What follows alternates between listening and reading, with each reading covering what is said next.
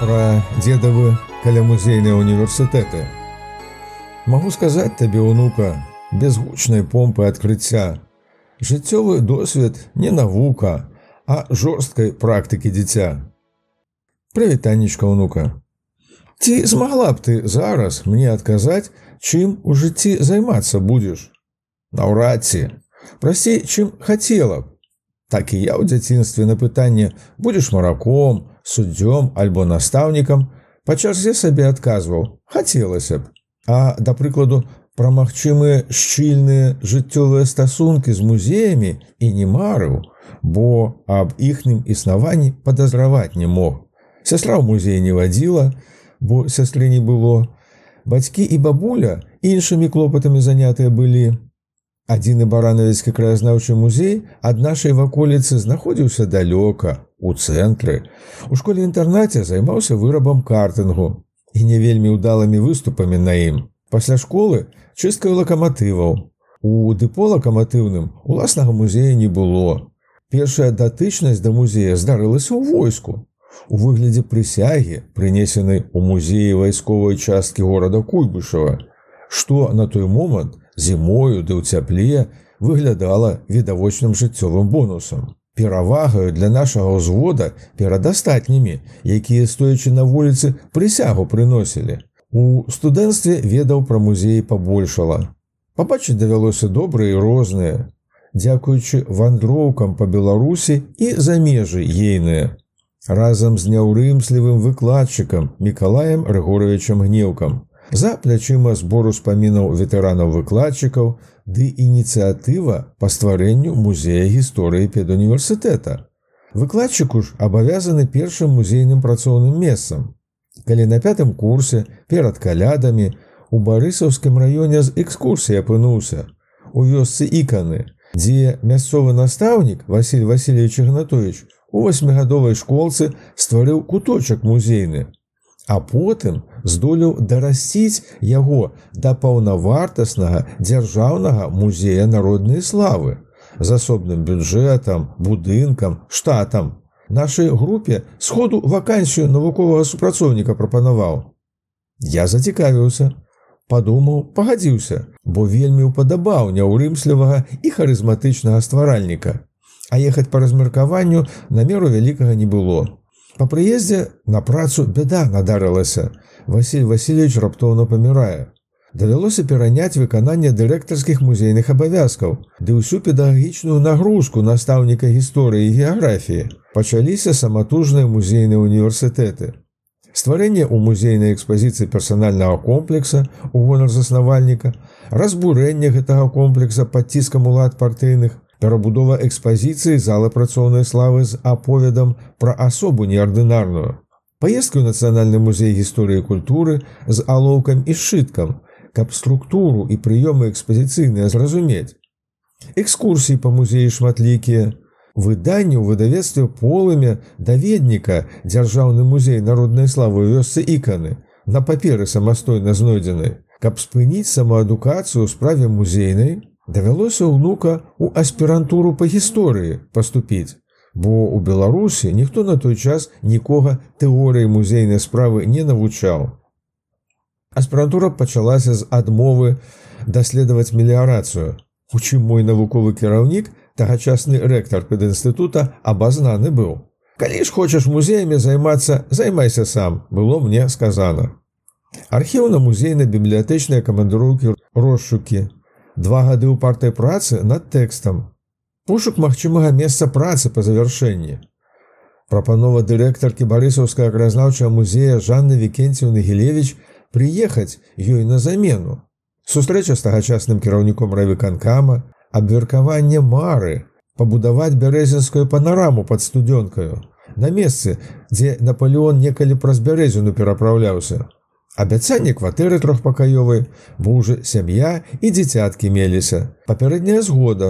Патрапіўшы да кіраўніка ўправлення культуры мін абл выканкама Валера Карловича геройца за накіраваннем, дазнаўся, што менавіта зараз шукаюць дырэктара на стварэнне музея запаведнікаў заслаўі. Торкнула. Акурат пра такую музейную будучыню разважаў над тэкстам дысертацыі шчыруючыя – Усё на свае месцы паставіла сустрэча з мэрам заслаўя Владимиром Александровичем Леснічуком. Дамовіліся, абяцаныя былі катэдж для сям'і і праца для жонкі па спецыяльнасці. Пры адной умове. Брацца трэба было ўжо учора. За паўгады да завяршэння тэрміну навучання ў аспірантуры. Першы дзень працы акуратна 18 траўня 1988 года прыпаў міжнародны дзень музеяў. У арендаваным пакойчыку гарвыканкама на пяцярых супрацоўнікаў дырэкцыі мелася чатыры сталы, два крэслы і адзін тэлефонны апарат. Ніводнага музейнага прадмета, ні месца для іх захавання, ні кваліфікаваных супрацоўнікаў, ні рахунку разліковага. І пачалося.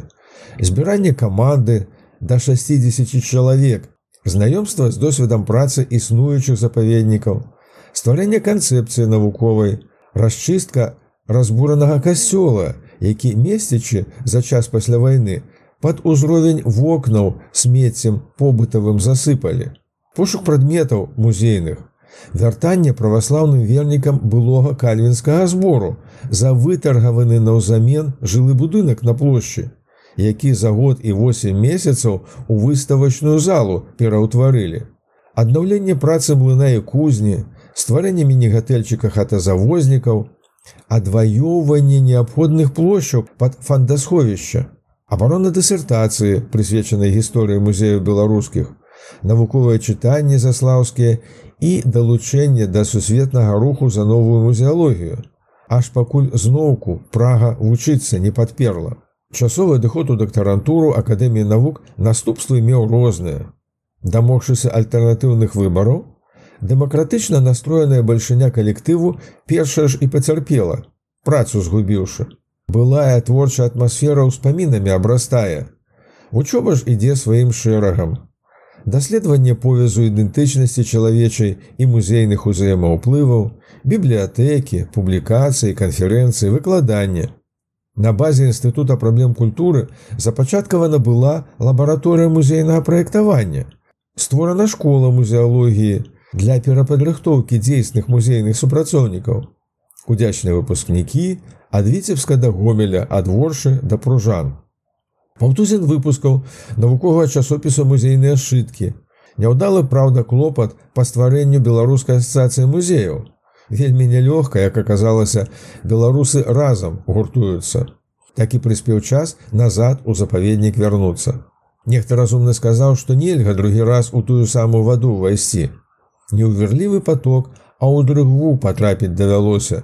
Перавезены з віцівшчыны свіран тры гады замкнёны прастаяў. Музей міфалогіі леса на ўзроўні канцэпцыі замёрз, Улады гарадскія на тэрыторыі запаведніка нафтабазу пашыралі, незважаючы на існаваўшы ахоўны статус. Рубам пастаўлена на сесіі дэпататаў заслаўскага арканкама пытанне пра закрыццё запаведніка. Цёмныя адрэзкі музейнага жыцця са светлымі момантамі перамяжоўваліся. Адкрытая экспазіцыя музея свіран. З трэцяй спробы атрымалася музейна-даследчая стажыроўка ў нью-йоркскі універсітэт. Выйшла кніжка музейны дыярыш дзе новамузеалагічны мінімум мініморум па-беларуску выкладаўся і адчуванне бездапаможнасці, калі перад чарговым святам пісьменства у межах добраўпарадкавання цэнтру горада з рынкавай плошчы будынак запаснай крамы давялося прыбіраць. Ці на кузаве самазвала стоячы з-пад каўша экскаватара давялося ратаваць уласнаручна парэжкі людзей, пахаваных стагоддзі таму на ўзгорку каля касцёла, каб потым сем мяхоў безыменных касцей з чарапамі перапахаваць на могілках старых і пачуць у свой адрас рык новага старшыні ўправлення культуры аблвыканкама на халеру ты з той Амерыкі вярнуўся. Тут і безальтэрнатыўная прапанова з боку ігу прагучала. Сутнасць яе палягала ў неабходнасці стварэння кафедры музеалогіі на факультэце мастацтваў. Прыспеў час студэнтаў музейнага накірунку на дыпломы атэстоўваць. Давялося трэці раз музей ад сябе адпусціць, але не вельмі далёка. Вучэбныя дысцыпліны практычным зместам напітваліся праз запрашэнне спецыялістаў. Музейна арыентаваныя дыпломныя працы, кірмашы музейныя, падчас якіх выпускнікоў адразу вядучыя музеі на працу запрашалі. стварэнне і рэгістрацыя беларускага нацыянальнага камітэта іком падрыхтоўка і правядзенне пад кіраўніцтвам цудоўнага музеязнаўца з берліна ханса марціна хінца тыднёвай перасоўнай канферэнцыі перамяшчэння межаў змена ідэнтычнасці музейныя спецыялісты з германії літвы беларусі украіны і рассіі праехалі са спавешчаннямі па музеях вільні брэста львова. З музейнага гледзяща праблемы памежныя абмяркоўваючы ці мог хто ведаць тады як сённяшняя вайна назву канферэнцыі крывёю афарбуе краіны суседнія па розныя бакі фронту развядзе. Адначасна і над еўрапейскім універсітэтам і над беларускімі комам хмары пачарнелі маланкі паляцелі. Ігу быў раптоўна зачынены замужным і мудрым рэктарам Анатолем Арсеньевичем Михайловым у вільню аднаўляць у выгнанні факультэт мастацтваў выправіўся. Душу, розум і час не абвяжавана ў працу укладаючы. Беларускі ж іком на мяжы ліквідацыі апынуўся праз арышт і асуджэнне кіраўніка Лявона Хаткевіча. Давялося і там плячо падставіць. Праз дзесяцігоддзя напружаная штодзённая праца, па аднаўленню універсітэта больш-менш спала.